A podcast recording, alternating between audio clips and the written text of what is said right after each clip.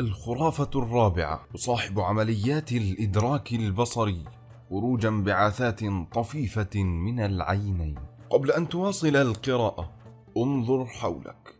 إذا كنت داخل مكان ما فثبت عينيك على أحد الأشياء.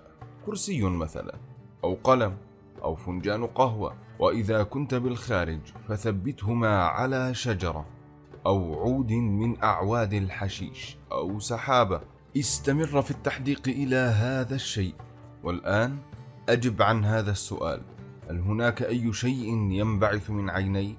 قد تصدمك غرابة السؤال ولكن استطلاعات الرأي تظهر أن نسبة كبيرة من البالغين يعتقدون أن عمليات الإدراك البصري يصاحبها خروج انبعاثات طفيفة من أعيننا. عندما عرض الباحثون على طلبة الجامعات رسوما بيانية تصور أشعة أو موجات أو جسيمات إما داخلة إلى العين أو منبعثة منها وطلبوا منهم أن يختاروا أكثر الرسوم التي تبين عملية الإدراك البصري.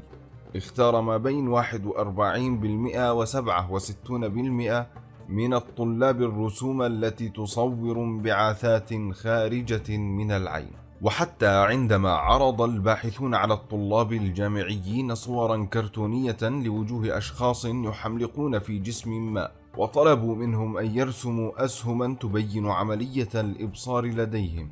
رسم 69% منهم أسهما تظهر وجود طاقة بصرية منبعثة من الأعين. هذه النتائج ليست نتائج خادعة نتيجة سوء فهم الطلاب الجامعيين للرسوم التي عرضت عليهم لأنه حتى عندما سألهم الباحثون دون عرض أي رسوم عليهم هل تنبعث من العين أشعة وجسيمات تمكنها من أن ترى الأشياء؟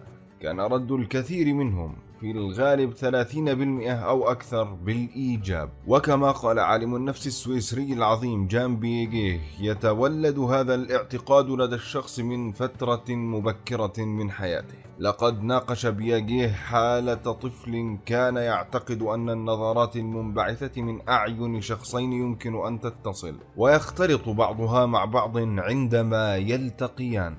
وفيما يتفق مع ملاحظات بياجيه يقول 57% من تلاميذ المرحلة الابتدائية إن هناك شيئا يخرج من العين عندما يرى الناس. ويتراجع هذا الاعتقاد في أوساط التلاميذ بدءا من السنة الدراسية الثالثة وحتى السنة الثامنة ولكنه يبقى منتشرا. وتعود نظرية الانبعاث الخارجي عند الإبصار إلى زمن الفيلسوف الإغريقي أفلاطون على الأقل. تحدث أفلاطون عن نار تخرج من العين أثناء عملية الإبصار تتحد مع ضوء النهار وتنتج عنها الحاسة التي نسميها الإبصار. وبعدها وصف عالم الرياضيات الإغريقي إقليدس أشعة تخرج من العين أثناء عملية الإبصار. ومع أن الفيلسوف الإغريقي أرسطو لم يعترف بنظرية الانبعاث الخارجي عند الإبصار. فقد ظلت هذه النظرية تتمتع بالشهرة عدة قرون. لقد ظلت المعتقدات الخاصة بالعين الشريرة التي توقع الأذى النفسي بالآخرين منتشرة في العديد من البلدان وخاصة بين سكان المكسيك ومنطقة البحر المتوسط.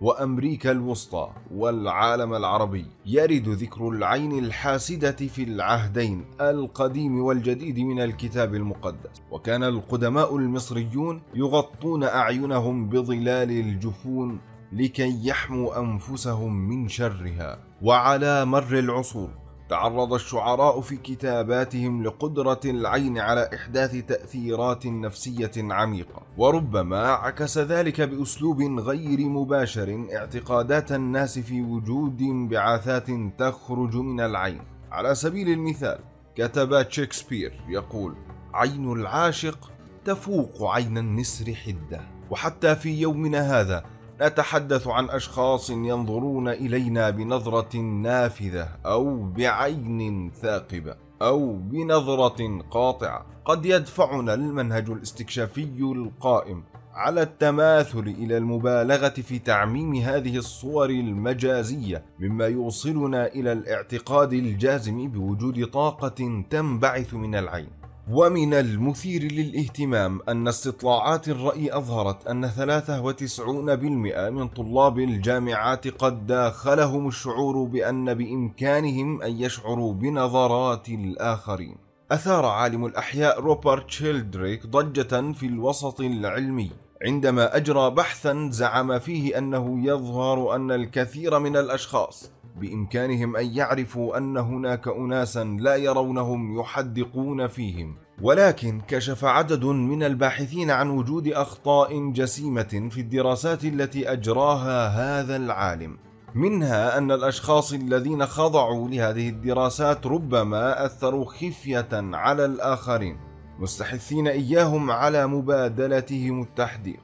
وفي الآونة الأخيرة زعم الطبيب النفسي كولين روس أن بإمكانه أن يستغل الأشعة المنبعثة من عينيه في تشغيل نغمة على جهاز الكمبيوتر ولكن الاختبارات الأولية التي أجراها أحد أطباء الأعصاب أظهرت أن طرفات عيني روس أوجدت موجة غير مألوفة بالمخ هي التي كانت تشغل النغمة دون قصد. لم يتوصل علماء النفس بعد إلى تفسير للأسباب التي تدفع الكثيرين منا إلى الاعتقاد في انبعاثات أشعة من العين. ولكنهم توصلوا إلى بعض الافتراضات المثيرة. اولا الثقافة الشعبية ممثلة في قدرة سوبرمان الخارقة على الرؤية. إذ تنبعث من عينيه أشعة سينية تمكنه من مهاجمة الأشرار واختراق الفولاذ بنظره. ربما تكون قد أسهمت في خلق بعض الاعتقادات الحديثة بانبعاث أشعة من العين. مع أن هذا التأثير لا يمكن أن يكشف بالطبع عن جذور هذه الاعتقادات في الثقافة القديمة. الافتراض الثاني يكمن في أن معظمنا قد حدثت له وبصات وهي صور ضوئية تتكون عادة من مجموعة من النقاط أو الأشكال تتكون نتيجة إثارة الشبكية وهي الطبقة الحساسة للضوء الواقعة في مؤخرة العين. وأكثر هذه الوبصات شيوعا هي الوبصات الضغطية التي نراها غالبا عندما نفرك أعيننا بعد أن نستيقظ من النوم. افترض بعض الكتاب أن حدوث الوبصات قد يعزز الاعتقاد في انبعاث جسيمات صغيرة من العين تمكنها من رؤية الأشياء. يرتبط الافتراض الثالث بالبساط الشفاف وهو طبقة عاكسة توجد في الشبكية أو خلفها لدى العديد من الحيوانات التي تتمتع بقدرة جيدة على الإبصار ليلا لقد شاهد الكثير منا الضوء اللامع الذي تعكسه هذه الطبقة. لدى القطط وحيوانات الراكون والذي يعرف أحيانا ببريق العين. ألمح البعض إلى أن هذه التجربة قد تعزز الانطباع الخاطئ بأن العين تولد انبعاثات، ولكن تظل هذه الفرضيات الثلاث جميعا مع أنها مثيرة للاهتمام مجرد فرضيات، ولم توضع أي منها موضع الاختبار على نحو منهجي. فلا تزال الأسباب التي تقف وراء الاعتقادات بخروج انبعاثات من العين تستعصي على الفهم. هل يمكن للتعليم أن يغير من الاعتقادات بوجود انبعاثات تخرج من العين للوهلة الأولى تبدو الإجابة عن هذا السؤال هي لا فلم تفلح المحاضرات التي تتكلم عن الحواس والإدراك ضمن مواد علم النفس التمهيدي في إحداث تغيير بنسبة طلاب الجامعات الذين يعتقدون في خروج انبعاثات من العين.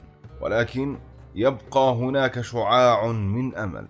وسامحوني في هذه التورية حيث تشير الأبحاث إلى أن عرض رسائل التفنيد على طلاب الجامعة وهي تلك التي تعنى فقط بشرح آلية عمل العين ولكن أيضا بعرض الآلية التي لا تعمل بها والتي تتمثل في هذه الحالة في عدم خروج أشعة أو جسيمات من العين.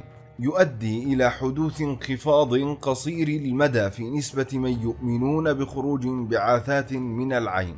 ولكن مع هذا لا يدوم ذلك الانخفاض كثيرا. فهو غالبا ما يتلاشى في مدة تتراوح بين ثلاثة إلى خمسة أشهر. مما يشير إلى أن جرعة واحدة من رسائل التفنيد قد لا تحل المشكلة وأننا قد نحتاج إلى بث هذه الرسائل بصورة متكررة. تتشابه الأبحاث المعنية برسائل التفنيد مع المنهج الذي اتبعناه في هذا الكتاب في كثير من النواحي. والذي يقضي بتوضيح زيف الأوهام المتعلقة بالعقل والمخ قبل الكشف عن الحقائق. وكما ذكرنا مارك توين غالبا يحتاج التعلم منا اولا أن ننسى ما تعلمناه في السابق.